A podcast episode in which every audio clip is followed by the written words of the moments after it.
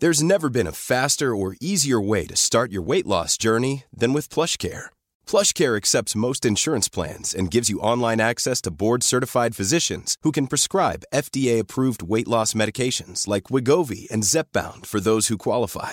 Take charge of your health and speak with a board-certified physician about a weight loss plan that's right for you. Get started today at plushcare.com slash weight loss. That's plushcare.com slash weight loss. plushcare.com slash weight loss. A lot can happen in three years, like a chatbot may be your new best friend. But what won't change? Needing health insurance. United Healthcare Tri Term Medical Plans, underwritten by Golden Rule Insurance Company, offer flexible, budget friendly coverage that lasts nearly three years in some states. Learn more at uh1.com.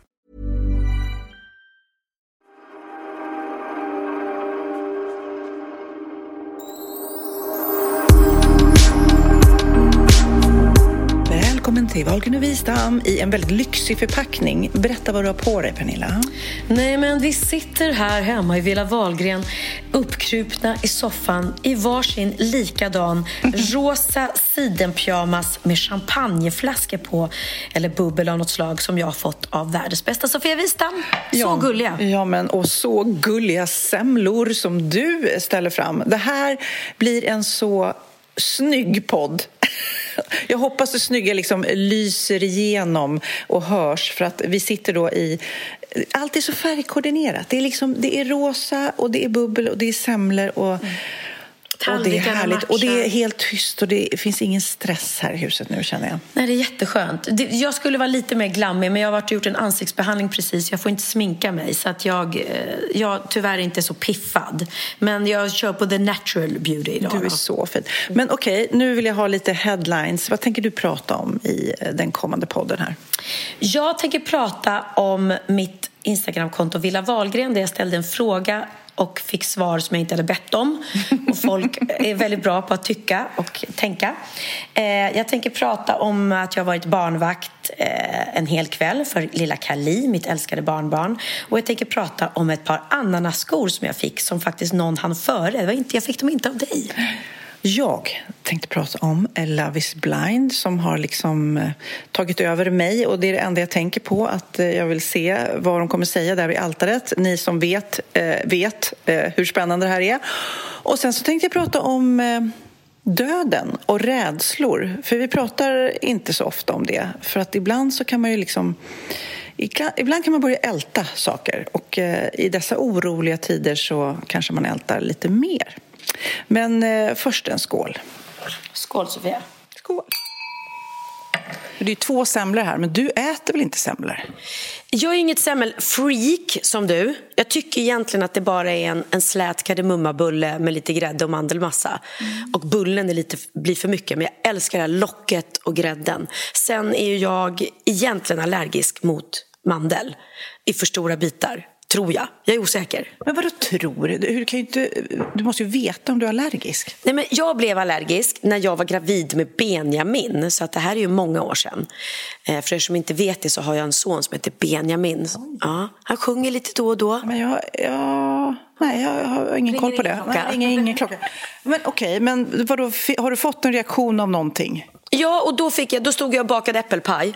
Eh, och så som man gör när man bakar, man stoppar in en bit äpple i munnen och plötsligt så bara händer det här som jag får då, den här klian i halsen och när du aldrig haft det innan så tror du typ shit shit jag håller på att kvävas eller någonting. Jag blev jätterädd.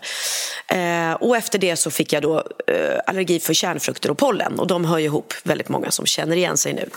Eh, men sen har jag testat lite senare år och liksom våga, käkade ett plommon i somras, det gick bra.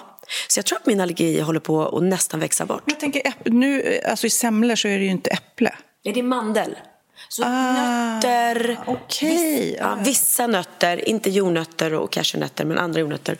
Men, eh, så att jag, då, då testar jag lite. Mm. Men jag dör ju inte, alltså jag får lite kli i halsen. Jag berättade om dig när, eh, för dig när Kid blev jätteallergisk mot så färgämne. Nej men just det, hela hans ansikte. Ja, alltså det var helt sjukt. Vi berättade det för många poddar sedan. Men han färgade håret när han var, ja, vad kan han ha varit? 10-11 och kom upp eh, till köket och hade svullnat upp något så galet, elefantmannen. Och jag bara... Och då är det som du säger också, man är orolig för andningen. Ah. Eh, så vi åkte och han ville bara, nej jag vill inte gå ut, jag ser inte klok ut. Och jag bara, gå till bilen nu, vi måste liksom till sjukhuset nu. Jag vågade inte ens liksom hinna ringa på ambulans, jag bara, vi måste åka nu. Och det gick ju bra, alltså. Ah. Men eh, Nej, han glömmer bort det ibland. Han försökte färga skägget någon gång för inte så länge sedan och fick värst... Man bara, du kan inte eh, göra någonting med färg. Eh, I ansiktet? Nej, jag tror kanske hela kroppen. Jag har en egen hobbyteori att när vi var i Thailand när han var liten då gjorde han en sån här fake-tatuering och fick en stor reaktion. Eh, att det kanske skapades en allergi eller så hade han det med. Jag vet inte, men i alla fall, han bör inte färga eh, någonting. Så kan man väl säga. Nej, det kan jag bra säga. Och sen kan jag också berätta för er eh, att de har ju kommit fram nu till att luftburen allergi finns inte. Det är, alltså jordnötter? Ja. Mm. Det är en skröna. Och eh, jag har vänner som Eh, de har liksom eh, trott hela livet att deras barn då har luftburen allergi och varit hysteriska. Ja, men du menar med jordnötter? Ja. För det finns ju annan luftburen, pollen och sånt där. Ja, ja, nej, nu, nu tänker jag som, som du säger, jordnötter, framförallt på flygplan då. Och att de då skulle få en allergisk reaktion mm. bara av att någon öppnar en påse. Men läkarna har kommit fram till att det finns inte. Mm. Så eh, det kan ju vara skönt att veta. Verkligen. Men nu tycker jag att vi ska prata om stackars Christian. Mm. Stackars, stackars Christian. Det har varit tufft för honom. Eh, och, eh, ja, han har fått mycket stöd på ditt Insta. Du måste berätta. Han har fått jättemycket stöd. Eller han har fått mest att folk tycker synd om honom, om vi säger så. Nej, men jag har ju ett inredningskonto, ett huskonto som heter Villa Valgren vid sidan om mitt eget Instagramkonto. Och där lägger jag upp bara då bilder på inredning och huset och renovering och sådär. Och då är det som så att Christian är ju, jobbar ju då som eh, ska se så jag säger rätt, inköpschef på ICA. Eh, men då har de att de får jobba hemifrån eh, några dagar i veckan. Så att han brukar sitta och jobba här hemma och då brukar han liksom flytta runt lite. Ibland sitter han i Teos rum för Teo har ett skrivbord där och ibland sitter han eh, nere i köket ofta. Mm. Och så har han suttit eh, på soffan i, i vårt eh, sovrum, för jag har ett stort sovrum med, med en soffa. Men så kom jag på att vi har ju faktiskt en hörnplats där man skulle kunna ställa ett skrivbord och så skulle det kunna bli hans arbetsplats. Mm. Föreslog det för honom, han tyckte det var en toppenidé. Sökte som 17 efter ett eh, skrivbord som då passar i ett, i ett hörn. Hittade ett på Ellos som var lite speciellt. Det var arkitektritat och det var liksom i trä med stora stabbiga. Jättefint var det. Ja, du tyckte det var kul. Ja. Jag var lite så här, åh, kan nog passa, men det är inte riktigt vad jag hade köpt. Stabbiga ben, det låter som du beskriver mig. Men sluta Sofia, så hade jag inte beskrivit dig. Vilken Sofia? Hon med stabbiga ben? Ah, ja, då förstår jag. Nej. Ja, I vilket fall så köpte jag det här och eh, vi satte upp det och jag tyckte så här, fan det blev skitfint men ändå osäker på benen. Varpå jag la ut bild på skrivbordet och skrev så här Åh, äntligen har Christian fått en, en arbetsplats i vårt sovrum. Vad tycker ni om benen? Ska jag byta ut dem eller inte? Man ska ju inte öppna den där Pandoras ask. När folk Vad tycker ni liksom? Ja. Mm. För eh, självklart var det många då som sa vad de tyckte om benen och sa att nej, de var inget fina eller de var fina. Och det, det vill jag ha svar på, så fine så långt. Men sen, det jag inte hade räknat med, att det var så många som tyckte Stackars Christian, inträngd i ett hörn i ditt stora hus. Kunde han inte fått ett eget kontor? Det var väl det minsta du kunde göra för den här stackars kraken. Så plötsligt blev det liksom, det är de fattiga barnen eh, och barnen i krig och Christian Bauer det är synd om helt plötsligt. Free Britney, free Christian. Ja, nej men verkligen. Jag bara, men snälla. Eh, och då får jag liksom typ förklara för folk att absolut, vi har fyra sovrum i det här huset. Ett av dem är vårt eget, ett i Teos, ett i Kristiansdotter Smilla som bor hemma här också ibland. Och det sista då måste fungera som gästrum för annars har vi inget gästrum. Och mina föräldrar bor ju här jätteofta och även våra barn brukar sova över och så. Ehm, så var, var ska de sova då? Det är problem ett. Och steg två, Christian älskar sin hörna mm. och vårt sovrum är väldigt stort. Men jag kan läsa upp då lite hur det, hur det lät kunde låta så här.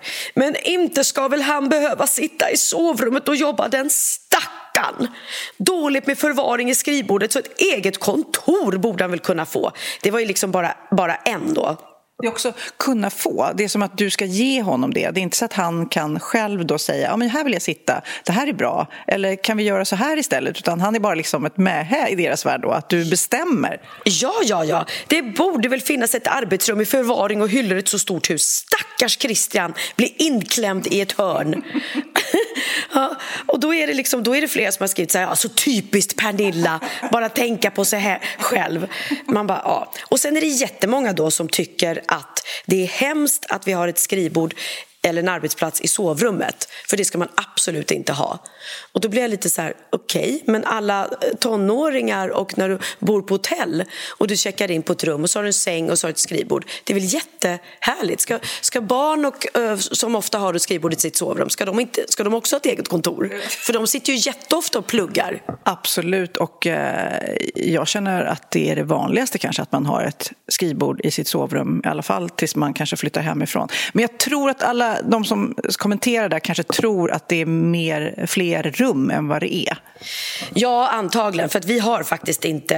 Eller vi har jättemånga sovrum. Men framförallt så funkar det bra. Han gillar det. Punkt slut. Det är ju faktiskt grejen. Plus att vi har ju då ett barn som bor hemma på heltid, Theo, eller på halvtid eftersom han delar med sin pappa. Och Smilla samma sak.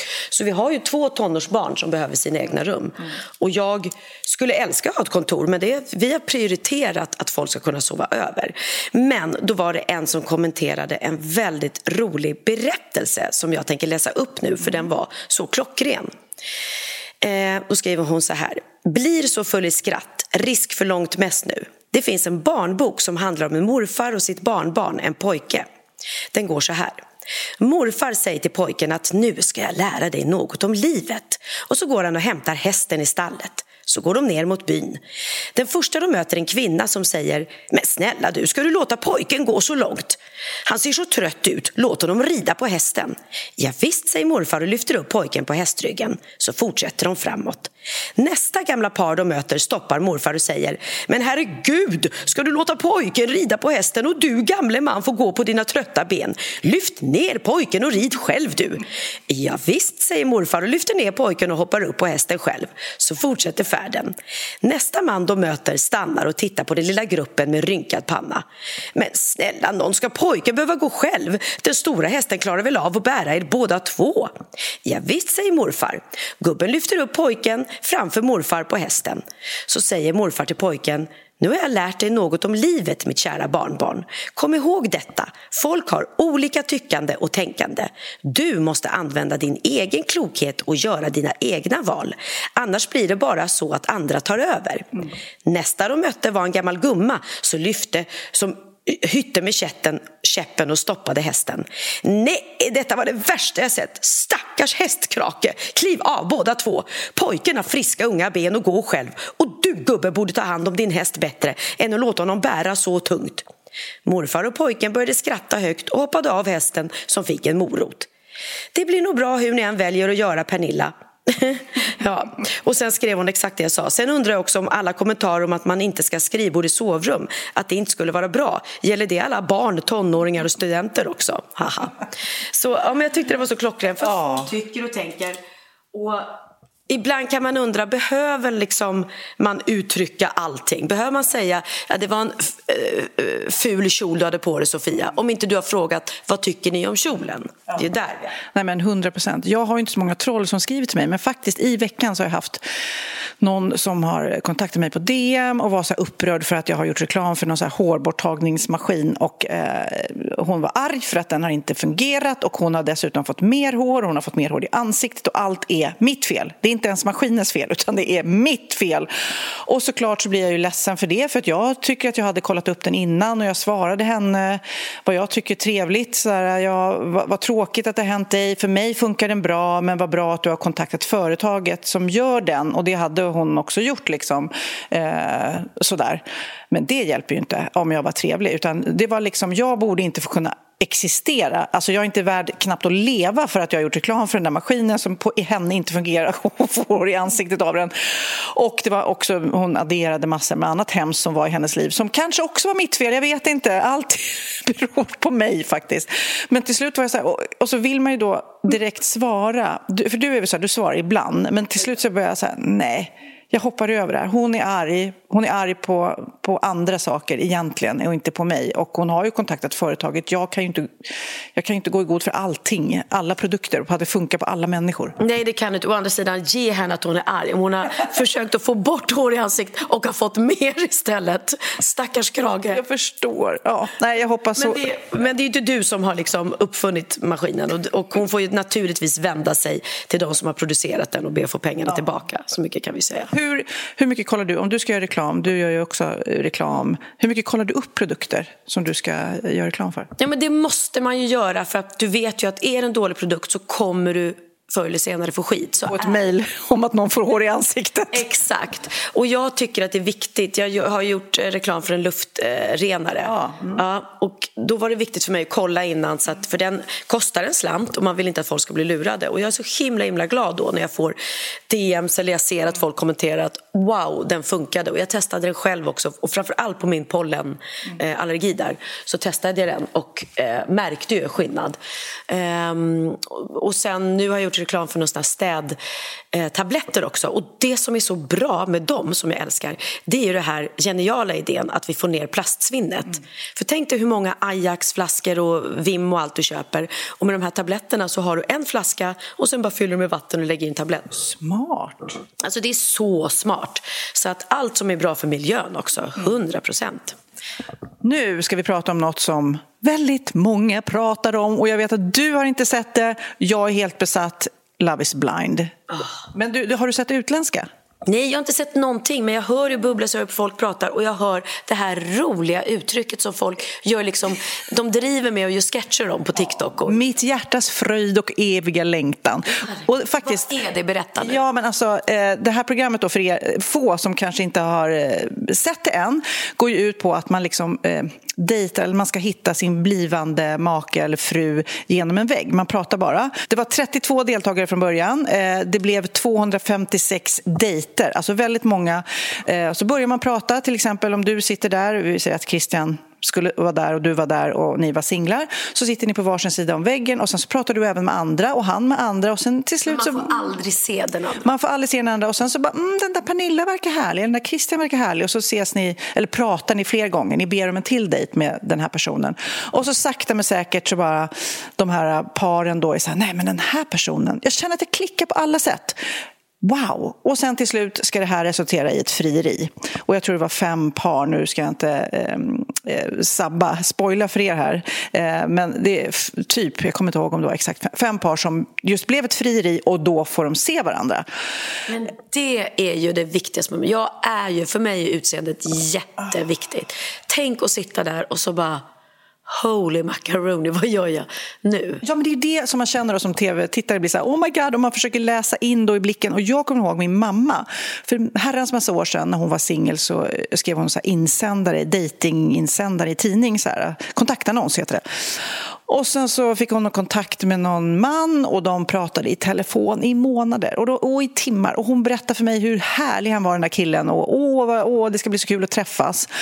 Sen blev det en dejt och hon kom hem och bara, nej, det var inget för mig. Alltså det var så intressant. De hade ju på telefon blivit jättebra kompisar, pratat precis som här då i Love is blind genom väggen. Men sen när man ser varandra då är det ju en kemi. Naked attraction som jag leder, det är ju också, då börjar man där. Men, men som sagt, men det är ju såklart massor som eh, ska eh, klaffa liksom för att det ska bli ett förhållande sen. Men nu tillbaks till det här uttrycket då som är överallt. Det är en eh, Kristoffer eh, eh, som då har friat till en Katja. Och han säger då hela tiden, både genom väggen och sen när de träffas IRL, mitt hjärtas fröjd och eviga längtan. Och det kan väl vara kul en gång, Eh, men han gör det typ hela tiden. God morgon min hjärtas fröjd och eviga längtan. Och eh, ska vi gå ut och gå min hjärtas fröjd och eviga längtan. Jag har sett någon intervju med honom nu att han typ är trött på sig själv för att han säger det så ofta. Han förstår, för det har ju blivit en sån snackis. Men den här Katja då, sakta men säkert, får ju panik. Och inte... Tror jag det? Och inte bara det att han säger den meningen, han säger också massor med komplimanger hela tiden. Han bara, du är så vacker, du är så Hon är skitsnygg liksom. Jättevacker. Och hur ser han ut? Ja, men han är en annan stil. Han är också fin, men det kanske inte... undan med att gå runt och säga Ja, jag förstår. Men jag läser också att Sara Larsson, artisten, hon har ju sett det här som många andra och skriver så här. Eh, när folk skrattar åt Kristoffer eh, så tänker jag, jag säger flera, kanske 20 gånger om dagen, mitt hjärtas låga innersta glöd. Det säger hon till sin kille Lamin. Och hon skriver också, om ni tycker att eh, det är lovebombing jag håller på med så hade ni tyckt att jag borde spärras in om ni har hört hur mycket jag säger en vanlig dag. Eh, komplimanger. Det haglar i mitt hem ska ni veta, det finns ingen gräns, inget stopp. Eh, men det är ju skönt om det blir en tillbakakaka. Och det blir det ju inte i Kristoffers värld, för den här Katja säger inte tillbaks. Men då tänkte... Sara Larsson och hennes kille, de lovebombar ja, varandra. Ja, precis. Mm. Men hur, hur bra är du på att ge komplimanger till Christian? Nej, men för det första, jag hade aldrig klarat av. Det där är mitt värsta. Någon som säger floskler hela ja. tiden. Och jag, Christian har ju varit mycket mer romantisk än jag och han har varit, ibland har jag sagt så här, du, du måste varit född något annat årtionde för han pratar som en gammal farbror ibland. Ja, men han skulle kanske kunna säga hjärtas fröjd i alla fall en eller två gånger. Till och med över hans gräns skulle jag säga. Men däremot kallade han mig i början kärleken, kärleken. Och jag bara, nej men alltså, du måste sluta kalla mig för kärleken. Jag får panik. Säg mitt namn. Eh, sen är det fine med äl älskling. Men det var väldigt, väldigt mycket hjärtat och... Äh. Nej men det, åh gud, jag skulle få panik. Ja, och då, men då är jag ju rak. Så då sa jag till honom, åh kan inte du sluta säga så? Och så lite grann har jag varit så här, jaha, då får man inte säga det heller. Nej, hopp, det är mycket du klagar på mig. Men jag, det är för att jag är rak och tydlig. Och jag har lärt mig att det är bättre att jag säger sånt som jag stör mig på än att jag går och stör mig på dem hela tiden och sen blir det ett problem. Det är bättre att vara tydlig. Men 100 procent, och det gör inte den här Katja kan jag då berätta. Lite spoiler på det. Eh, men hon säger inte stopp. Han överöser henne både med då de här flosklerna och så här, åh du är så vacker, du är så vacker. Hon säger aldrig någonting tillbaks. Han säger ju också så här du säger ju aldrig något till mig. Men tydligen, Love is blind, den svenska versionen också blivit stort i världen. Och då, tydligen så är, eh, runt om i världen så är de på Kristoffers sida. Tycker att han är fina killen, mjuka killen, han visar ju sina känslor så väl. Och hon blir liksom eh, tuff och hård. Men jag kan reta mig också på att hon kanske borde gett honom en chans att säga så här, stopp, jag vill inte höra den här meningen. Eller jag vill, inte höra, jag vill inte höra alla de här komplimangerna. Gett honom en chans att kunna backa som du gör med Christian. Då. Ja, och jag tror att det var väldigt bra för vårt förhållande. För att jag, jag gick ju till och med till en så här, psykolog, heter det Parterapeut. Mm. Inte parterapeut som jag gick själv, men terapi. Ja, vilket terapi, ja. ja. Just för att jag sa det, mitt problem är att han ger mig så otroligt mycket komplimanger och säger så snälla saker hela tiden. Och jag, jag är inte på samma nivå. Jag kan inte, och då känner jag mig elak och kall. Jag, det var, jag kände mig faktiskt så. Och han sa vid något tillfälle, det är bara jag som säger fina saker till dig hela tiden. Och jag bara, du måste låta mig få komma i min takt. Och nu tycker jag att vi har hittat en jättebra... Nu säger jag jätteofta komplimanger till honom och han säger komplimang till mig. Och jag älskar att få komplimanger, jag blir jätteglad. Men jag har också kommit till det skedet att jag verkligen kan ge honom. Och sen är det viktigt att när jag säger något, då menar jag verkligen det. Eh, och jag är ju ganska så här ytlig, det måste jag ju säga. Jag, för mig är utseendet jätteviktigt. Ja, ge honom en komplimang nu då, eftersom jag vet att han lyssnar på podden. Ja, gull, han har jättefina läppar. Han, eh, ja, men jag älskar när han ser så här manlig ut, det är det bästa jag vet. Han tränar ju nu inför Vasaloppet. Han ska ju åka Vasaloppet. Så han det är roligt, man har ju olika kärleksspråk. Du har verkligen muskulös överkroppskärleksspråket. ja, jag tycker det är väldigt eh, attraktivt. Så att, att han börjar få nu eh, bredare axlar och större armar och eh, eh, tajta till sig. Det gör mig ingenting. Jag tycker det är träna på för Vasaloppet, Christian. Ja, okay. ja, och då säger jag det. Då säger jag verkligen det. Gud, vad fin du börjar bli. Um, Retar du på något just nu? Nej, nej. Faktiskt inte. Vi var en väldigt bra plats. Jag tycker också hela det här med att vi har gift oss, att jag får säga min man, mm. tyckte jag kändes så moget. Jag, tyckte, jag kunde inte säga min kille, för då sa jag bara min kille Krille. Mm. Eh, och min fästman lät lite töntigt. Så att pojkvän lät också. Det, det, är så här, det är som unga människor säger. Så jag tycker det känns väldigt rätt att vara 56 år och kalla då någon för min man mm. istället. Så att, nej men han är så fin min Christian och fina ögon och nej, jag är så nöjd och, och glad och snäll är han också. A lot can happen in three years, like a chatbot may be your new best friend. But what won't change? Needing health insurance. United Healthcare Tri Term Medical Plans, underwritten by Golden Rule Insurance Company, offer flexible, budget friendly coverage that lasts nearly three years in some states. Learn more at uh1.com. Planning for your next trip? Elevate your travel style with Quince. Quince has all the jet setting essentials you'll want for your next getaway, like European linen, premium luggage options, buttery soft Italian leather bags, and so much more and is all priced at 50 to 80% less than similar brands. Plus, Quince only works with factories that use safe and ethical manufacturing practices. Pack your bags with high-quality essentials you'll be wearing for vacations to come with Quince. Go to quince.com/pack for free shipping and 365-day returns. Magnus, eh, ja, okay. ja, men jag labbar med Magnus, han är också så han ser så ung ut. Jag känner mig, så, jag känner mig ibland lite med spegeln att jag ser ut som en gammal tant och han ser ut som en så här, ung kille. Men det gör du också, Sofie. Ja, tackar, tackar. Ung kille. Nej, men han är ung och jättefin. Dock har jag en sak. Vi har varit typ gifta i 20 år, som jag retar mig på. Oj. Alltså, han lyssnar inte på den, så jag, men tyvärr kanske, för då skulle han kanske sluta med det. För jag, och jag har försökt komma åt det här. Okej, nu är jag han, jag har en kopp kaffe, eller det kan vara kaffe, det kan vara vin, det kan vara allt han dricker, vatten. Då gör han så här, han tar en klunk, nu tar jag kaffe för att illustrera. Ja. Nej men snälla, han gurglar. Han gurglar allt och det retar mig något så. Och jag tänker någonstans, okej vad spelar det för roll? Låt honom gurgla allt han dricker, några varv i munnen innan han sväljer. Och så har jag försökt säga det på ett fint sätt. Du vet, man sitter framför tvn, eh, dricker te säger vi. Gurglar teet. Och allt. Och då säger jag så här, jaha, försöker komma åt det så här på något snällt sätt. Så här, jaha, du gurglar när du dricker. det gör du med allt du dricker. Nej, det gör jag inte alls det. Säger han då. Nej, eh, jo det gör, vad ska jag säga? Jo det gör du. Eh, och, och, och, och någonstans kunde han säga, ja, vad spelar det för roll? Men du vet när man har bara börjat reta sig på något, då kan man inte släppa det. Så att jag är så här, när han kommer med sin tekopp, jag bara, nej, nej. jag tror jag måste gå en sväng tills du har druckit upp ditt te för att jag blir tokig. Men det är en väldig bagatell i det stora hela. Men... Fast verkligen något som, alltså gurgla sig det gör man egentligen bara när man, när man är på vinprovning. Du eller borsta tänderna.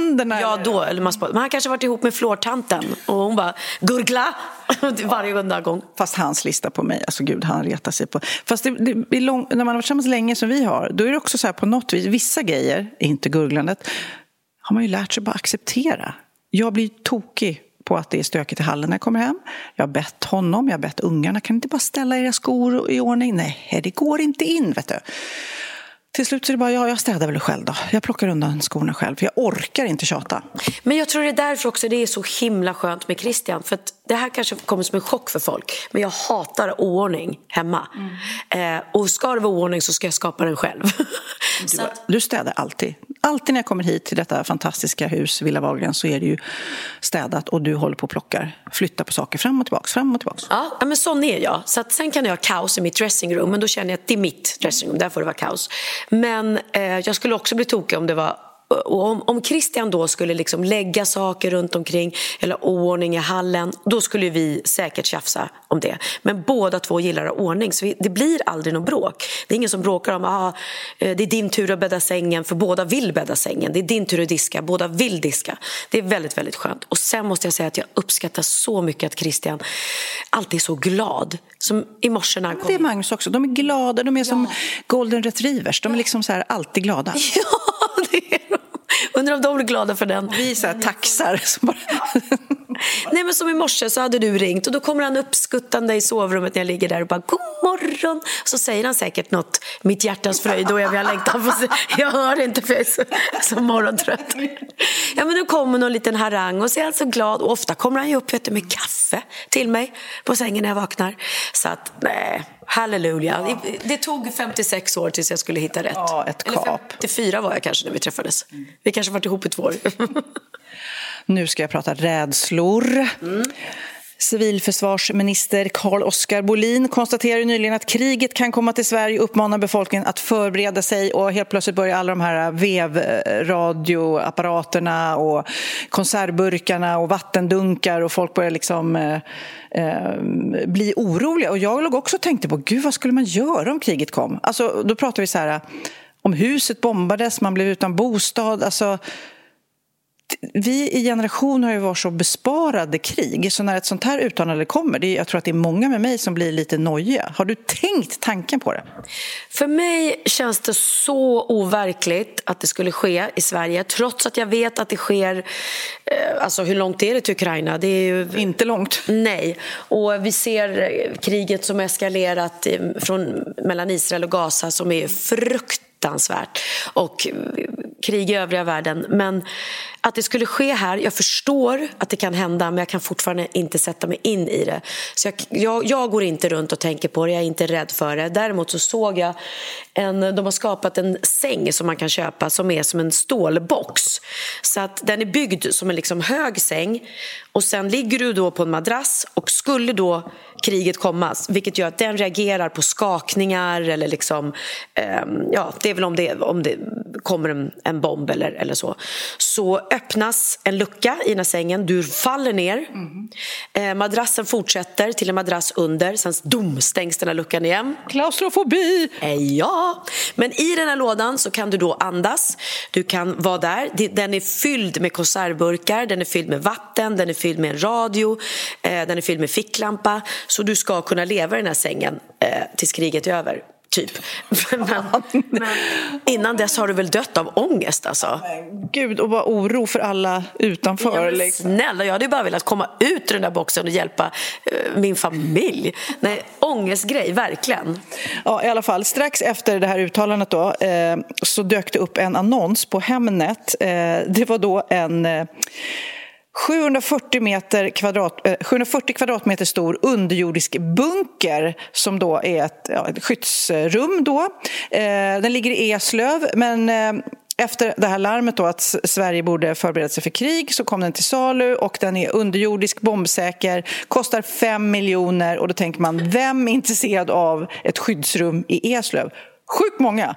Det här mäklaren då säger att det blev en jättebra timing och bunkern är utformad för att skydda 77 personer i upp till tre månader vid händelse av krig eller kris. Konstruerad för att tåla en direktträff eh, från en 500 eh, kilos flygbomb. Enligt mäklaren, det är kul att mäklaren fick plugga på här. Ja. Eh, och det är en riktig bunker gjord för skarpt läge så folk förstår det. Och priset ligger på 5 miljoner kronor och då ingår även filter mot kemiska vapen och en stor dieselgenerator generator för att driva anläggningen så att man är full up and running med egen el och vatten. Och som sagt var, det är både liksom privatpersoner och företag som har ringt och var intresserade av att köpa den här bunkern. Jäklar, men det gäller då att man hinner ta sig till Eslöv om det blir krig för att eh, det är ändå en bit. Ja. Nej, men alltså, vi sitter här och skrattar. Sen så helt plötsligt så bara, varför köpte vi inte bunkern i Eslöv? Vi ångrar oss bittert. Varför köpte jag sommarställ i Marbella och inte bunkern i Eslöv? Nej, men en andra rädsla som jag faktiskt aldrig har frågat dig, är du rädd för att dö?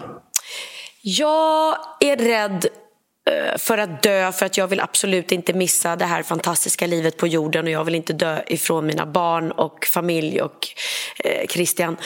Så, av den anledningen så, så vore det hemskt. Men om man får leva så länge som man önskar, att man får leva i massa år, få dö liksom lycklig, varit med om barn och, och barnbarn och barnbarnsbarn. Ehm, eh, alltså nu har ju du och jag redan fått vara med om, eller jag i alla fall, barn och barnbarn. Men Nej, men du, att man känner så här, men jag har verkligen fått leva ett lyckligt liv. Då tror jag, då är inte jag rädd. Jag, jag tror ju inte att det kommer bara vara ett mörker. Utan jag tror ju att det finns ett liv efter detta. Så på så sätt är jag inte rädd för döden, men jag vill inte dö. Nej. Men det, det är roligt eh, att du säger det där, att det finns något efter. För nu precis i veckan så släpptes det en ny svensk studie om nära döden-upplevelser. Och den bidrar faktiskt till en lättnad för dem som är väldigt rädda för att dö. För i den här studien så har fyra personer då fått hjärtstopp, intervjuats om då upplevelserna, vad som händer och hur deras syn på livet och döden har förändrats. Och många av dem, eller många av de fyra, alla fyra beskrev precis det som man faktiskt har sett på film. Liksom. Det är ett starkt ljus som är långt borta i en tunnel eh, eller att man ser sig själv, sin egen kropp nedanför. Men alla beskriver ett lugn och lycka. Och jag läser även om en, eh, en amerikansk eh, sån här undersökning om nära döden-upplevelser. Och då var det en Greg som beskrev att han var på en korpmatch i hockey eh, och eh, han då fick hjärtstillestånd och läkaren kom dit. Eh, han, I det han upplever då när han är död är att han går ombord på ett tomt flygplan med blå säten. Solen är väldigt stark utanför, det är en vacker dag. Han sätter sig vid fönsterplatsen och tittar ut på landningsbanan. Eh, och då hör han någon som ropar hans namn, Greg, Greg. Eh, och då är det hans vän Jeff då, som eh, var den som försökte få liv i honom då på hockeyplanen, eller hockey vad heter plan? Hockeyrinken eller vad? Eh, och då säger den här Jeff, du är på fel flygplan och då går han av och då bam så är han tillbaks. Häftigt. Men han beskriver ingen rädsla. Ehm, och han var död ett tag? Han var död liksom. Och även en James eh, fick hjärtstopp i New York 2016 och flickvännen räddade då. Och han beskriver det som att han den tiden han var död då, svävade med fötterna neråt över en stor vattenyta som påminde nästan om en sten. Ovanför fanns en oändlig himmel och han kände sig säker, fri och han var absolut inte rädd.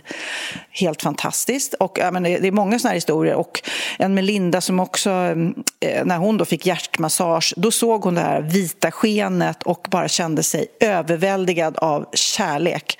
Ehm, och eh, hon var med en massa människor. Hon sa att det var inte fysiska människor med kroppar utan varelser, väsen som bara spred kärlek. Och då har man ju någon slags hopp om, tänk om det är så här att man liksom kanske får vara nära de som man har förlorat när det händer? Liksom? Ja, det är ju, alltså min bild det är just det här ljuset man går. Jag tror också att om man har varit sjuk innan eller har ont så tror jag att när liksom själen lämnar kroppen och man vandrar i det där ljuset då tror jag att man, då har man inte ont alls, man känner sig lätt och, och fri. Och tänk vad fint om då mm. se de som, som man har förlorat sitt liv stå där och vänta på en. Liksom. Ja, vad, vad, tror du? Nej, men jag är ju tyvärr så där krass jag tror bara bam att det blir mörkt och så finns man inte mer. Och jag önskar, jag önskar jag är religiös kanske, jag önskar att jag trodde på ett liv efter döden och ibland så, eh, då är man ju så här, snälla, snälla Gud, gör så att, eh, du vet när man hoppas något speciellt för sina barn, när de är sjuka eller har det tufft så är man så här, snälla, snälla Gud, gör det, jag vet att jag inte tror på dig vanligtvis men snälla kan du bara lösa det här. Men också så läser jag i... Gulligt. Jag vet att jag inte tror på dig i vanliga fall men... Snälla, snälla. Men det är som när jag har bett till Gud så har jag bett så här, eh, jag, jag ber inte om, om om liksom onödiga saker. Mm. Utan då ber jag verkligen om det är något så viktigt. Så jag, jag lovar, jag ska, jag ska inte störa dig med oväsentliga saker men det här är viktigt för mig. Så kan jag vara då. och de ser också, det sista jag läste i den artikeln är att när en människa går bort, dör, då är det liksom en elektrisk aktivitet i hjärnan långt efter att de liksom har slutat leva. Det är ju spännande. Vad är det för energi då som händer? Ja, ja nej, det är ju otroligt... Um det är fascinerande att det finns så mycket vi inte vet någonting om som både döden och liv på andra planeter. Och vi vet ju fortfarande inte om, om det finns liv på andra planeter. Men det, jag känner samma sak där. Varför skulle det inte finnas det? Så många liksom, eh, solsystem, heter det det? Eller planeter. Ja, ja, ja, ja du menar så. Ja. Ja, och så skulle det bara finnas liv på jorden. Bara, bara, bara att vi skulle vara unika. Vi pratade i förra podden om det där om astronauter och vad de tar med sig upp till rymden. Vi pratade om, pratade om Marcus Vantar som tog med sig legogubbar eh, som föreställde hans familj. Men då läste jag också om astronauter, att, för det har ju varit i såna rymdfilmer. Ibland så när astronauten är ute och jobbar så helt plötsligt så lossnar eh, vad är, luftslangen och så, eh, så flyter de iväg i rymden, du vet, panik. Men nu har de eh, uppfunnit en sån knapp som de har så här, kan trycka på på sin rymddräkt så att de liksom flyger tillbaks till rymdstationen. Och det kände jag, gud vad skönt, för det måste ju vara kanske i och för sig väldigt vackert att driva iväg i rymden, men, men ångest. Ja, för man dör ju typ inte. Nej, på väldigt lång tid så svävar man tills luften tar slut. Liksom. Ja, nej. Nej. Nej, vet du vad? Jag känner att jag kommer inte åka upp i rymden. Det är inte riktigt min grej. Nej, jag tror inte det. Du vill mer åka ner i en kista. Jakob, om du fick välja en grej som du fick ta med dig till en öde ö, alltså en grej. Förutom, självklart vill man ha med sig en, en, en ram med bilder på sina barn. Det skulle vi inte klara oss utan. Nej, men vi måste ha med... Nej, men jag, kanske en tändare, så jag slapp, eller tändstickor eller något sånt där. Smart. Vet du vad jag tänkte på? Jag tänkte på en kudde. En skön kudde. Men jag har alltid med mig kudde när jag reser. Jag förstår inte folk som reser utan kudde. Mm. För, för min gosiga kudde, inte bara att jag har den på flyget och i taxin dit och liksom överallt. Är det hårda kuddar på hotellet så har jag ju min gosiga kudde, så lägger jag ju den på. Men det är också din superkraft, du somnar ju överallt. Mm. Alltså om vi åker bil någonstans eller taxi någonstans och du ska iväg på ett jobb och vi är tillsammans, då somnar du direkt. Så där är det ju bra att ha med sig kudden. Alltid! Plus att jag har ju den eh, med ett sånt där örngott som min kompis Jennifer broderade i present till Theo när han döptes. Så den bringar mig tur också. Nu är den helt trasig. Jag har haft med den på så många resor så att jag måste laga den. Kan du sy? Jag kan sy, jag kan sy. Men du, har du sett den här på Instagram? Jag tror att det är gammalt. Eh, Alexander Skarsgård har svenska kurs. Det är för Vanity Fair. Har du sett den? Nej. Nej, men jättekul. Han beskriver så här konstiga svenska uttryck. Typ så här het på gröten och så ska han förklara för engelsmännen eller amerikanen. Hot on the pot pottage, eller vad? Porridge. Porridge. Vi kan väl lyssna lite på när Alexander Skarsgård har eh, svenska lektion för amerikaner. Sup dig snygg. Drink yourself beautiful, snygg, hot.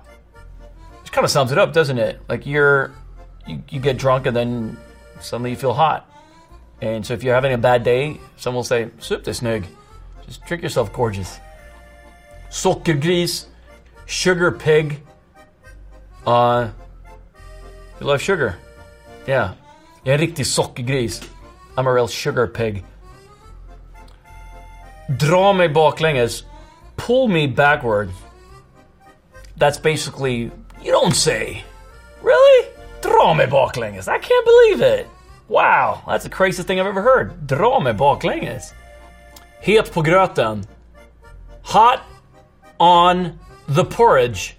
That means that you're you you you jump in quickly. Sometimes rash and uh, and maybe too quickly. Let's say you're out and you meet a, a guy and uh, you talk to him and then you go like, ah, han var lite het på gröten. It's like he was a bit pushy. It's like he was a bit too intense. Like, mm, too het på gröten. Too hot on the porridge. Du har satt din sista potatis. You have planted your last potato. Um, and that's basically what it is. Like, that's a warning. Like, you now planted your last potato. That's it. This is where I draw a line in the sand. I will not accept any more, any more of this behavior. You've planted your last toma- uh, tomato, potato. Ana ugglor i mossen. That means that you're, you, you suspect that there might be owls in the woods.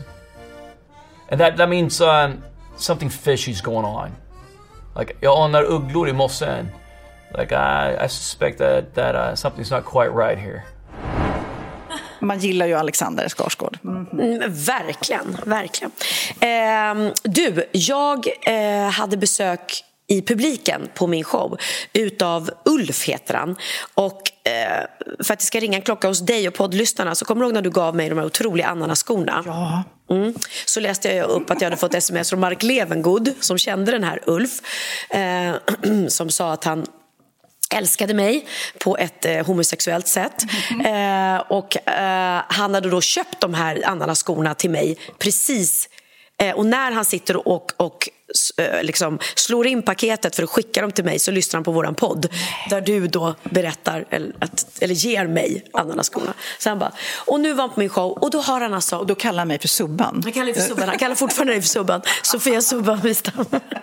Nej men och så fick jag otroliga rosa rosor. De står där borta. Wow. Alltså helt otroliga. Gud, ja, och eh, tyvärr så var det ingen som sa till mig eh, av personalen så jag tog inte in dem på scenen. Men man blir alltid så ledsen när folk lägger ner pengar och liksom köper dyra fina saker. Jag vet hur det känns för jag köpte champagne, den kom inte ut på scen. Nej, eller hur? Men jag har tackat för den nu på Instagram. Jag fick...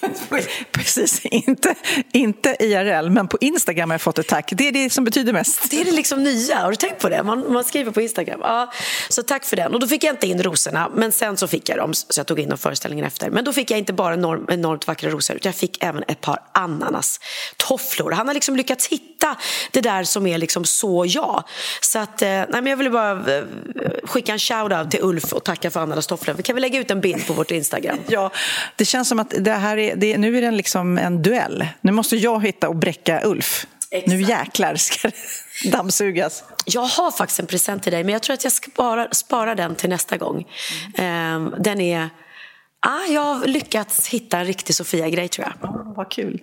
Okej, vi ska avrunda den här podden som blev av trots allt, trots att jag tidigare har strulat med både kameror och myggor och ja, det har varit en liten uppförsbacke. Men nu är podden inspelad och klar och vi ska avsluta med världens bästa Benjamin. Ja, Benjamin eh, har faktiskt inte släppt nytt material på två år, eh, eh, vilket är ganska lång tid i liksom, popbranschen och musikbranschen. Eh, men han har varit ute på sin bejublade turné och då har han kört både gamla låtar men även några nya som inte har släppts än. Eh, och den här låten som han nu släpper idag är den första låten på hans nya platta som även ska släppas internationellt eller satsas på internationellt. Han har ju väldigt, faktiskt många fans eh, utomlands eh, mer än man kan tro.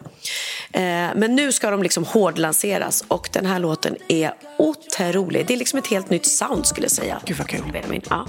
Så att eh, han är väldigt stolt och glad och jag är väldigt stolt och glad över min son. Så att här är Benjamins nya låt Kite.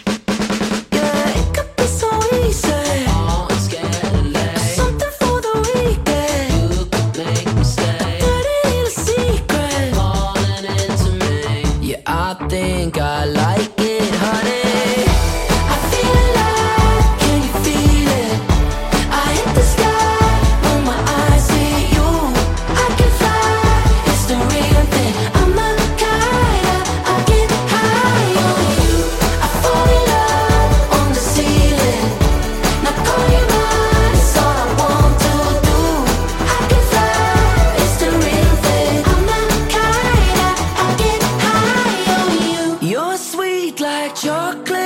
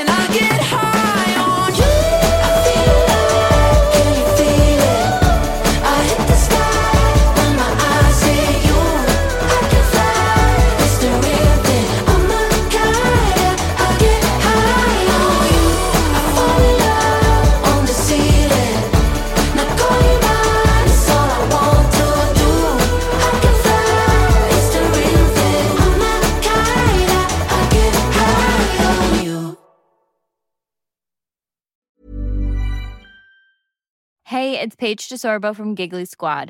High quality fashion without the price tag. Say hello to Quince. I'm snagging high-end essentials like cozy cashmere sweaters, sleek leather jackets, fine jewelry, and so much more. With Quince being 50 to 80% less than similar brands. And they partner with factories that prioritize safe, ethical, and responsible manufacturing. I love that. Luxury quality within reach. Go to quince.com slash style to get free shipping and 365 day returns on your next order. Quince.com slash style. Imagine the softest sheets you've ever felt. Now imagine them getting even softer over time. That's what you'll feel with Bowl and Branch's organic cotton sheets. In a recent customer survey, 96% replied that Bowl and Branch sheets get softer with every wash. Start getting your best night's sleep in these sheets that get softer and softer for years to come. Try their sheets with a 30-night guarantee. Plus, get 15% off your first order at bowlandbranch.com. Code BUTTERY. Exclusions apply. See site for details.